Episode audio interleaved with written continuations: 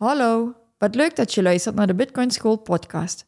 Voordat de les begint, willen wij nog even onze disclaimer opnoemen. De podcast en onze website zijn geen financieel advies en enkel bedoeld voor algemene informatiedoeleinden en entertainment. Vind je onze podcast leuk? Hecht je er waarde aan en wil je de podcastaflevering al een dag eerder beluisteren? Neem dan een kijkje op petjeaf.com slash bitcoinschool. Alvast bedankt en dan beginnen we nu aan de les.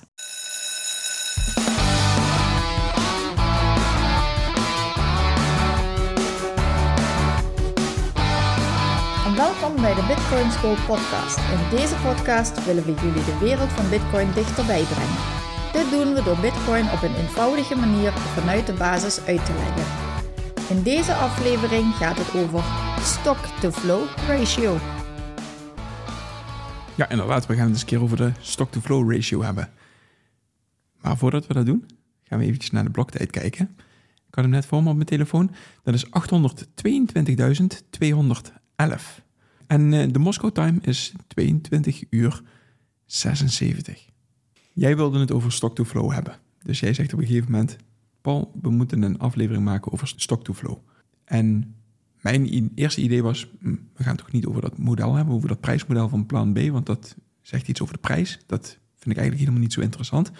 Dat wil ik, daar wil ik het eigenlijk liever niet over hebben. En toen ben ik aan jou gaan vragen van, maar waar wil je het precies over gaan hebben? Ja, en ik kende dat hele prijsmodel helemaal niet. Dus ik wilde het over iets heel anders hebben. Mhm. Namelijk over hoe kan je nou meten of iets een goede store of value is. En dat hebben wij alles benoemd, hè? dat je bitcoin op verschillende manieren zou kunnen gebruiken. Dus hè, om bijvoorbeeld te traden, maar ook om te sparen. Maar je hebt heel veel verschillende manieren om te kunnen sparen en heel veel verschillende goederen om in te sparen. Mhm.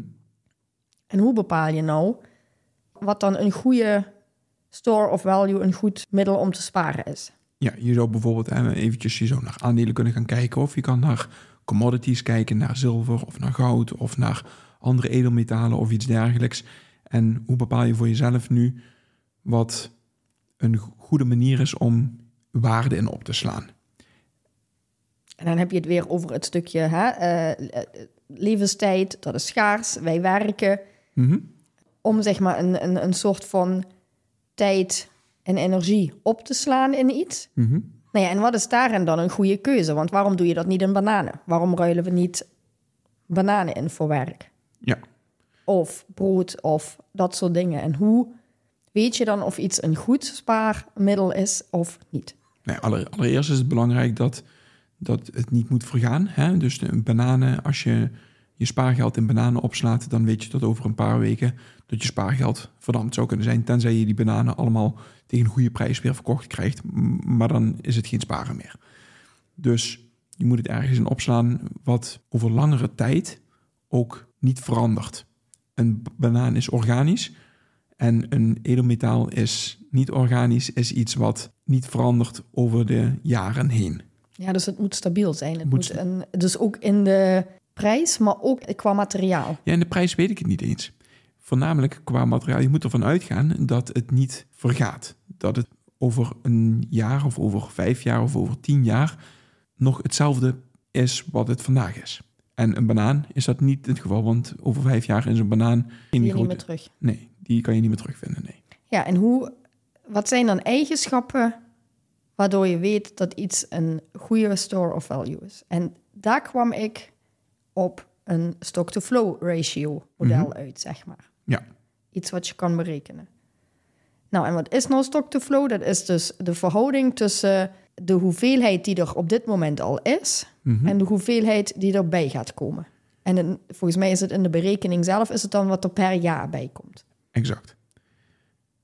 En als we dan gaan kijken naar een aantal van die ratio's, dan wordt bijvoorbeeld zilver en goud en andere edelmetalen worden, kan je berekenen wat de stock-to-flow daarvan is. Dus wat de stock-to-flow ratio daarvan is. Als we het eventjes over zilver gaan hebben, ik heb het even opgezocht, dan is er op dit moment 550.000 ton aan zilver de totale supply. En per jaar komt er ongeveer 25.000 ton aan zilver komt erbij. Dat wordt door miners wordt dat gedolven. In zilvermijnen wordt er zilver uit de grond gehaald. Als je dan 550.000 ton deelt door 25.000 ton, dan kom je op een stock-to-flow ratio uit van 22. Als we naar goud gaan kijken, dan is op dit moment een total supply van ongeveer 300.000 ton.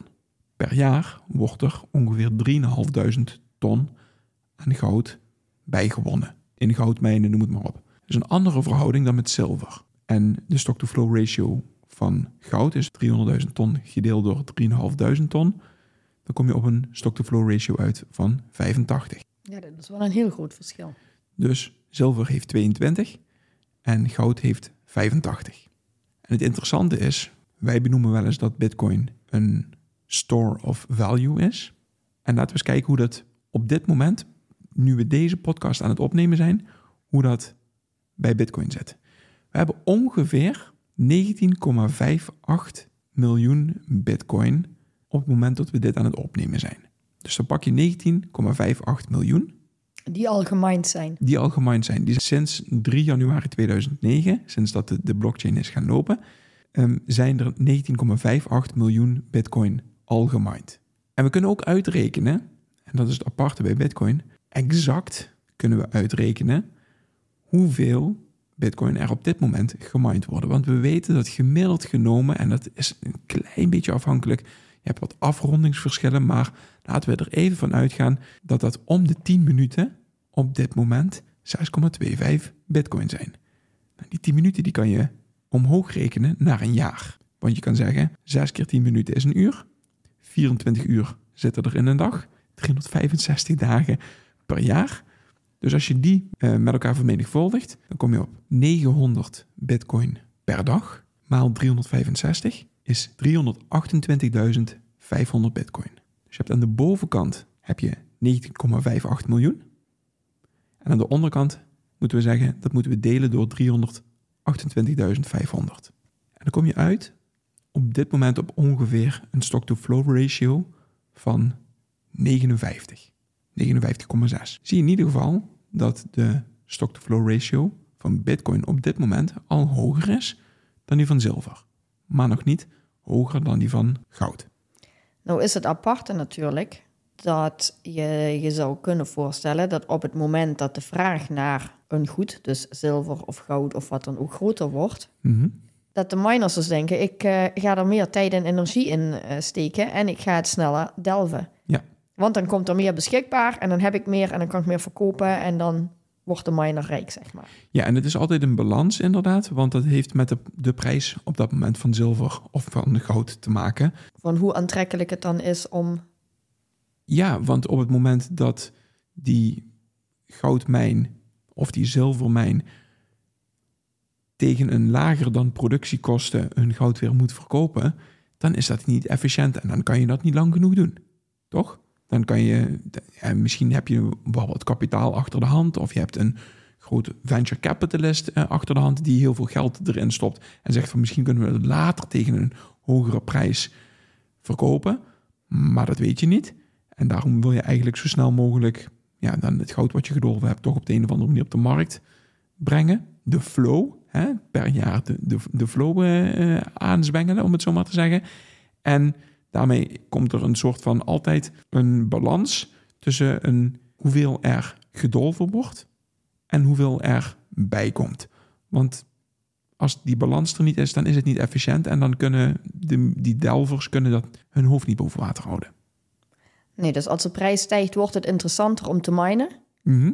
Maar ja, als er meer beschikbaar komt, daalt de prijs. Ja, precies. En dan heb je natuurlijk ook nog eh, het probleem, het moet er ook zijn. En hoe moeilijk is het om het te verkrijgen? Ja. En dat is volgens mij, wat ik begreep, bij goud bijvoorbeeld al moeilijker dan bij zilver. Dat er minder goudreserves zijn dan zilver. Dat er een uh, hele wereld minder goud beschikbaar is dan zilver. Ja, maar dat definieert blijkbaar waarom de stock-to-flow ratio van goud hoger is dan die van zilver. Dus ik denk dat daar wat, wat in zit inderdaad. Klopt. Nu is het aparte, we hebben zojuist eventjes die van Bitcoin berekend. Maar het grappige is dat je nu al weet hoe de stock-to-flow ratio van Bitcoin over 10 jaar gaat zijn. Over 20 jaar gaat zijn. En het aparte is, dat weten we bij zilver en bij goud weten we dat niet. Want inderdaad, als de prijs van goud omhoog gaat, dan gaan mensen meer energie en meer tijd in het minen, in het delven van goud steken.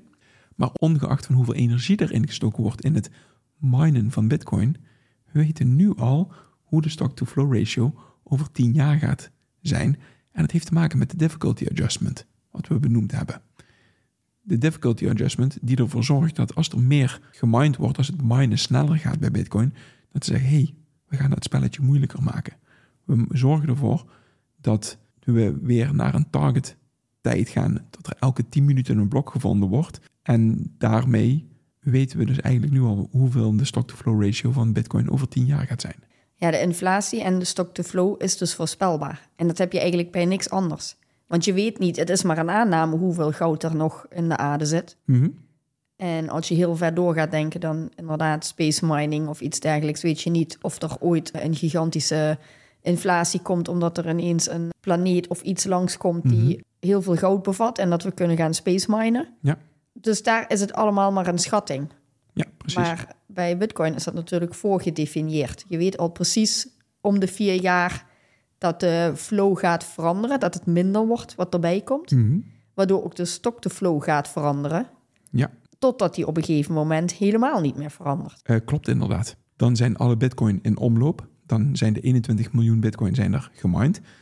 En dan wordt alleen nog maar wat de miners doen, is dat ze transactiekosten zichzelf mogen toe-eigenen. En daardoor, maar er komt niks nieuws meer bij. En zoals je net al benoemde, is het hier dus onafhankelijk van hoeveel energie je erin steekt. Mhm. Je kan ze niet in één keer op de markt brengen. Die flow die is niet, eh, niet, niet te veranderen. Nee, dat is, dat is het, het mooie eraan. En dat- dat is, we weten nu gewoon, het maakt niet uit hoeveel energie erin gestoken wordt, dat de laatste bitcoin pas over 120 jaar ongeveer gedolven wordt.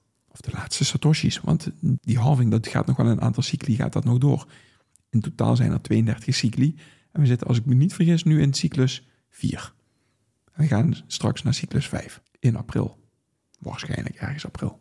En het grappige is, vanaf april hebben we dus de halving. Dat betekent dat de flow van Bitcoin gehalveerd gaat worden. En daarmee verdubbelt de stock-to-flow ratio. En daarmee heeft Bitcoin de hoogste stock-to-flow ratio van welk goed dan ook. En daar stopt het niet. Want vier jaar later wordt het weer gehalveerd en wordt de stock-to-flow ratio weer verdubbeld. En het wordt niet eens verdubbeld. Het neemt ook nog een beetje lineair neemt het nog toe, want de stok wordt ook groter. En als je een groter gedeelte door een kleiner cijfer deelt, hou je een grotere stock-to-flow ratio over. Dus dan hebben we volgend jaar in april wordt goud al ingehaald. Ja, we kunnen nu inderdaad berekenen van hoe gaat het dan in april zijn. Nou, laten we eventjes ervoor zorgen dat de stok dat die ongeveer hetzelfde blijft. Hè. Die 19,58, dat zal misschien naar 19,6 gaan of iets dergelijks, maar het, is niet, het zijn geen grote verschillen. En dan ga je naar 3,125 bitcoin, wat er elke 10 minuten gemined wordt. Dat zijn 450 bitcoin per dag. En dat maal 365 dagen. En dat zorgt dat we naar het stock-to-flow ratio van eh, iets minder dan 120 gaan. En dan zitten we ruim boven de stock-to-flow ratio van goud met bitcoin. Ja, en dan is het natuurlijk wel heel interessant om dat nog te vergelijken met bijvoorbeeld de dollar of de euro. Ja, ja daar moet ik even over lachen. Want ik heb wel vaker, stel ik aan mensen de vraag, hoeveel euro's zijn er in omloop? En dan kijken mensen raar en dan heeft eigenlijk niemand daar een pasklaar antwoord op. Ik ook niet, weet je. Ja, de Europese Centrale Bank heeft een bepaalde balans, maar dat representeert niet per se hoeveel euro's er exact in omloop zijn. Maar het grappige is, je hebt geen invloed op hoeveel euro's er per jaar bijkomen. Je weet het niet. Het is afhankelijk van het beleid wat er gevoerd wordt door de Europese Centrale Bank. Dus laten we zeggen dat de euro een hele variabele stock-to-flow heeft. En die is zeker niet hoger dan bitcoin. Die is ook niet hoger dan goud. Die is erg laag. En dan ga je kijken inderdaad. We hebben een spaargoed, euro's, dollars of whatever, hoe je het ook wilt noemen. En je hebt een spaargoed, zilver, goud of bitcoin. Wat is dan interessant om inderdaad in te sparen? En er even vanuitgaande dat bitcoin niet verandert. Dat de eigenschappen van bitcoin niet veranderen. Dat een bitcoin niet vergaat. Zoals dat met bananen, zoals we dat in het begin zeiden, wel het geval is. Maar de spelregels zijn bekend. Exact. Je kan heel goed voorspellen wat de stock-to-flow ratio op welk moment in de tijd dan ook gaat zijn. Ja, klopt. En dat maakt het wel interessant. En waarom is dit nou belangrijk? Waarom, waarom wilde jij deze podcast over Stock to Flow maken? Nou ja, waarom ik het er graag over wilde hebben, is omdat ik nou ook van eh, Jeff Booth het boek The Price of Tomorrow aan het luisteren ben. Mhm. En nou ja, ik had al door dat het fiat systeem een bubbel is. Ja. Als je dan hoort hoe hoog de schulden op de hele wereld zijn. Mhm.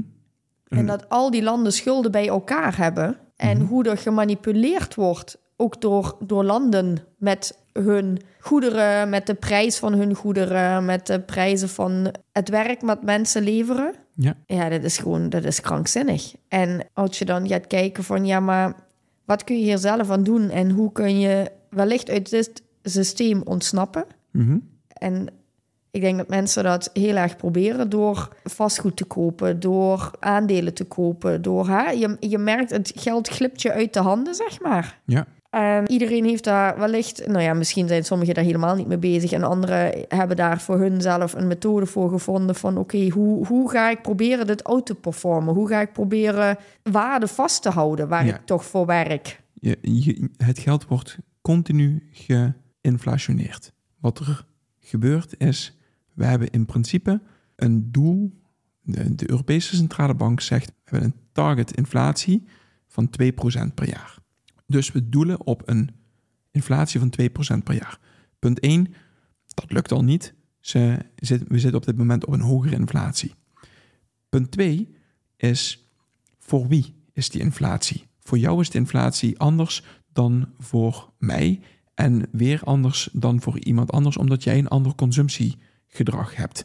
Dus de inflatie wordt berekend aan de hand van een bepaald winkelkarretje. Maar als jij andere dingen uit een, eh, als je andere dingen in jouw winkelkarretje stopt dan waar ze de berekening op de inflatie op doen, dan geldt die inflatie niet voor jou.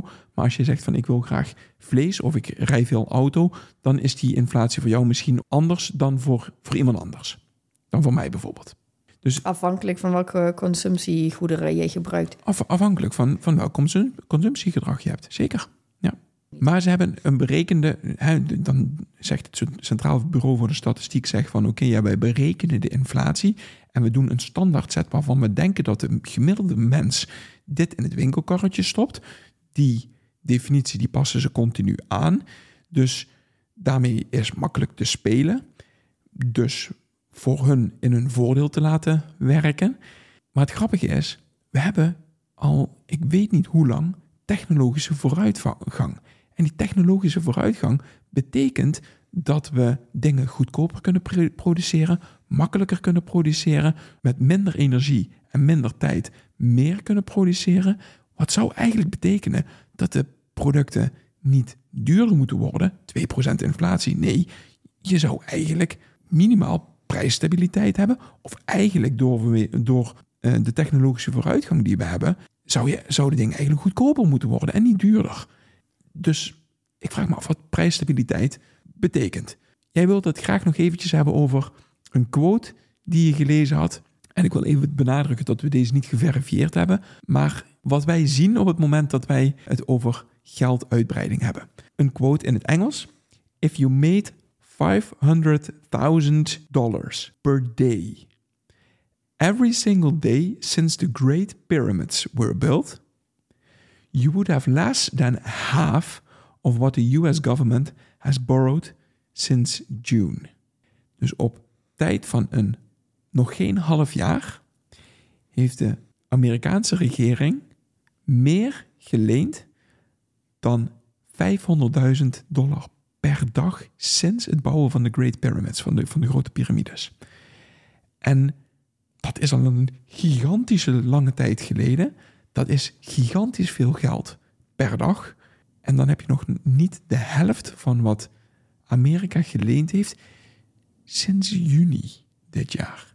Op tijd van vijf, zes maanden.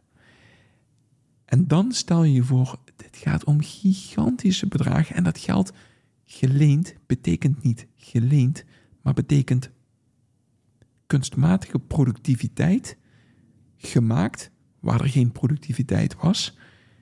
En geleend, als je dan kijkt van wie leen je het? Van toekomstige generaties.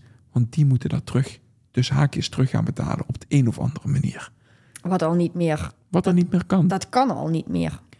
En even terugkerend naar waar deze podcastaflevering over gaat. Stock to flow. De flow zijn dus gigantische bedragen. De stok is misschien ook groot, maar de, maar de flow is zo gigantisch groot dat dollars of euro's een hele lage stock to flow moeten hebben. Dat kan niet anders. Ja, en dan is natuurlijk inderdaad de vraag waar we het eerder ook al eens uh, over hebben gehad. Dat huis, is dat meer waard geworden? Of is het geld geïnflationeerd waardoor het bedrag zeg maar groter is geworden? Nee, dat is het aparte. Het lijkt op het moment dat je een aandeel koopt. Of op het moment dat je goud koopt. Of zilver of bitcoin. Maakt niet uit. Dan lijkt het dat de prijs daarvan stijgt. Als je het over de lange tijd gaat bekijken. Maar dat klopt niet. Want... Je hebt meer geld nodig om het te kunnen kopen. Nee, je hebt meer geld nodig om het te kunnen kopen. Maar als je dat aandeel verkoopt, en dat is in de afgelopen vijf jaar 10% gestegen, in die vijf jaar is er ook 10% inflatie geweest. Dus kan je dan nog steeds dezelfde dingen daarmee kopen. Stel dat, dat je daar op een, een kiet zit, om het zo maar te zeggen. Dus wat je wil, je wil eigenlijk iets hebben waarmee je de inflatie outperformt, waarmee je de inflatie de mogelijkheid hebt om te outperformen. Huizen, vastgoed, aandelen, goud zit allemaal niet in de inflatieberekening. Maar er gaat wel heel veel geld naartoe, omdat mensen op de een of andere manier toch hun waarde willen behouden. Ja, wat ik net zei, je probeert dan toch in ieder op zijn eigen manier, Mhm. en sommigen misschien ook niet, maar toch op de een of andere manier grip te krijgen. Exact. Maar het aparte is toch dat als we zien dat een Apple-stok, dat die in waarde gestegen is in de afgelopen jaren, dat dat niet meegenomen wordt in het, in het mandje, in het, in het percentageberekening van de, van de inflatie. Dat zou toch meegenomen moeten worden? Eigenlijk zou alles meegenomen moeten worden. En niet willekeurig wat mensen maar consumeren, toch? Mm, ja, maar dat winkelmandje wordt aangepast naarmate dat de getalletjes goed uitkomen. Ja, dat Want is, op het moment dat de energie te duur wordt, laten ze die gewoon eruit. dan hebben we twee inflatiecijfers. Een inflatie met energie en een inflatie zonder energie. Dat soort dingen. Ja, precies. Maar eigenlijk kun je dan veel beter kijken van wat eh, bijvoorbeeld olie waard is. Mhm. Ja, maar maar dat is, dat is dan bij alles eigenlijk, zeg maar. Ook bij goud en ook bij huizen en dat soort dingen. Is de vraag, zijn die meer waard geworden of is het geld gewoon minder waard geworden? Waardoor je meer geld nodig hebt om datzelfde huis te kunnen kopen. Mhm, mhm, ja. ja, en daar komt nog iets bij. En dat is, hoe verhouden de lonen zich ten opzichte van de inflatie? Ja, en dan kom je in het typische hamsterrad. Mhm. Dat je maar moet blijven werken, werken, werken en nog een tweede baan erbij. En, en nog meer proberen te hè, sparen, minder te consumeren om überhaupt nog. Ja, het apart is natuurlijk dat ik lees in de media dat inflatie te maken heeft met stijging van de lonen. Ja, maar is er, dat is ook een kip-ei verhaal natuurlijk. Hè? En waar, waar is het begonnen? Is het begonnen met hoge lonen die voor inflatie zorgen? Of zorgt inflatie dat werknemers meer loon vragen omdat ze hun dagelijkse kosten moeten kunnen betalen? Ja, dat is zo'n spiraal waar je in terechtkomt. Exact, Als alles duurder wordt, moeten mensen meer verdienen, anders kunnen ze het leven niet meer betalen. exact. Maar ja, waar komt dat geld dan weer vandaan? Mhm. Ja, nou ja, dat wordt dan weer geleend. Ja, en dat geleende geld, dat is niet geld wat uit productiviteit ontstaat. Nee, dat is geld wat poef, vanuit het niets komt, waar geen productiviteit tegenover staat. Ja, apart. Ja, en dan is het mooie, wat is bitcoin waard? Eén bitcoin is één bitcoin. Exact. En één Satoshi is één Satoshi. En dat is het mooie daaraan. Wat kunnen mensen doen om zich hieraan te onttrekken? Om aan het systeem waarin we zitten te onttrekken? Het enige wat je kan doen, nou ja, één van de opties die je kan doen, is dat je het systeem waarde onttrekt. En dat doe je door te sparen in Bitcoin. Bitcoin heeft niks met de fiat-wereld te maken. Bitcoin heeft niks te maken met aandelen, goud, noem het maar op. Omdat Bitcoin een compleet ander systeem is, wat niet gebaseerd is op fiat, kan het sparen van Bitcoin heel erg interessant zijn. Alle andere asset classes, dus alle andere vastgoed, aandelen, is allemaal gebaseerd op fiat. Is allemaal gebaseerd op, op het huidige systeem. En dat is iets wat, er, wat we kunnen gaan zien gebeuren. Eh, ik, ik vermoed dat dat gaat gebeuren, maar geen financieel advies en geen, ik heb geen glazen bol. Maar dat er een hele hoop mensen in de toekomst gaan zien wat Bitcoin daadwerkelijk is, wat de stock-to-flow ratio van Bitcoin is, waarom Bitcoin waardevol kan zijn, dat het allemaal bekend is nu al hoe de stock-to-flow ratio over vijf of tien jaar gaat zijn, dat die hoger en hoger en hoger gaat worden. Dat is een feit, dat kan niet anders. En dat maakt Bitcoin ontzettend interessant als je je waarde wil overbrengen naar de toekomst. Omdat er ook niet eh, aan gemanipuleerd kan worden. Die hoge stock-to-flow ratio zorgt ervoor dat je in ieder geval weet hoe de toekomst bij Bitcoin er ten opzichte van de stock-to-flow ratio uit gaat zien. En welke prijs of welke waarde je eraan koppelt, laten we dat even buiten beschouwing. Maar het feit dat goud gezien wordt als een waardevol goed, waarschijnlijk omdat het een hoge stock-to-flow ratio heeft, is dat iets wat je zou kunnen relateren naar Bitcoin. Ja, en omdat het digitaal is, is het ook nog het betere goud. Dus er zijn veel eigenschappen die overeenkomen. Mhm. Maar qua opslag, qua deelbaarheid, qua dat soort dingen. Nou ja, kijk, laten we Bitcoin eventjes voor op, op die punten ook nog met goud vergelijken. Goud thuis opslaan of grote hoeveelheden goud opslaan, dat is heel duur. Want dan heb je een goede safe nodig, noem het maar op. Dat is lastig. Goud, die waarde transporteren over de wereld, is ontzettend lastig. Als jij bij wijze van spreken een miljoen ter waarde van goud wil transporteren over de wereld en naar Australië wil sturen, ja, dan moet je wel een hele hoop dingetjes moet je daarvoor regelen en doen en zorgen dat dat beveiligd wordt. En het gaat ontzettend veel geld kosten. Bitcoin kan je zelf bewaren en zonder dat je gigantische kosten hoeft te maken, kan je Bitcoin naar Australië sturen wanneer je wil. Dus belangrijk als je wil sparen, is Mhm. om te kijken van welke voorwaarden zijn daar waar een goed aan moet voldoen om goed een goede store of value te zijn. Ja, en daarbij hebben we geconcludeerd dat bananen geen goede store of value zijn. Geen organische middelen, hè? dus dan kom je uit bij de edelmetalen. Maar ook daar weet je niet wat de flow in de komende jaren gaat zijn. Dat is allemaal theorie. Mhm. En afhankelijk van de energie er- die erin gestoken wordt, kan de flow bij edelmetalen kan hoger gaan zijn. Ja, of door space mining, dat er toch nog een planeet langskomt, dat dan toch meer beschikbaar komt dan Mhm. dat er nu verwacht wordt. Nou ja, en bij Bitcoin is het gewoon allemaal voorspelbaar. Het is nu al duidelijk Het is waar de reis naartoe gaat. Ja, het is, het is statisch. Het is, het is nu al. Het is dynamisch, want het past zich in de loop van de tijd wel aan. Maar je weet op blokhoogte 1 miljoen is dit de stock to flow. Exact. Kan je nu berekenen. Ja. En dat is mooi. Dat is gaaf waar er overal rekening mee is gehouden. Mhm. Zeker. In het design van Bitcoin. Ja. Hebben we dan stock to flow, wat jou betreft, goed genoeg besproken? Ja, dat denk ik wel. Oké, mooi. Dan eh, gaan we hem hierbij beëindigen. Tot de volgende keer. Doei doei.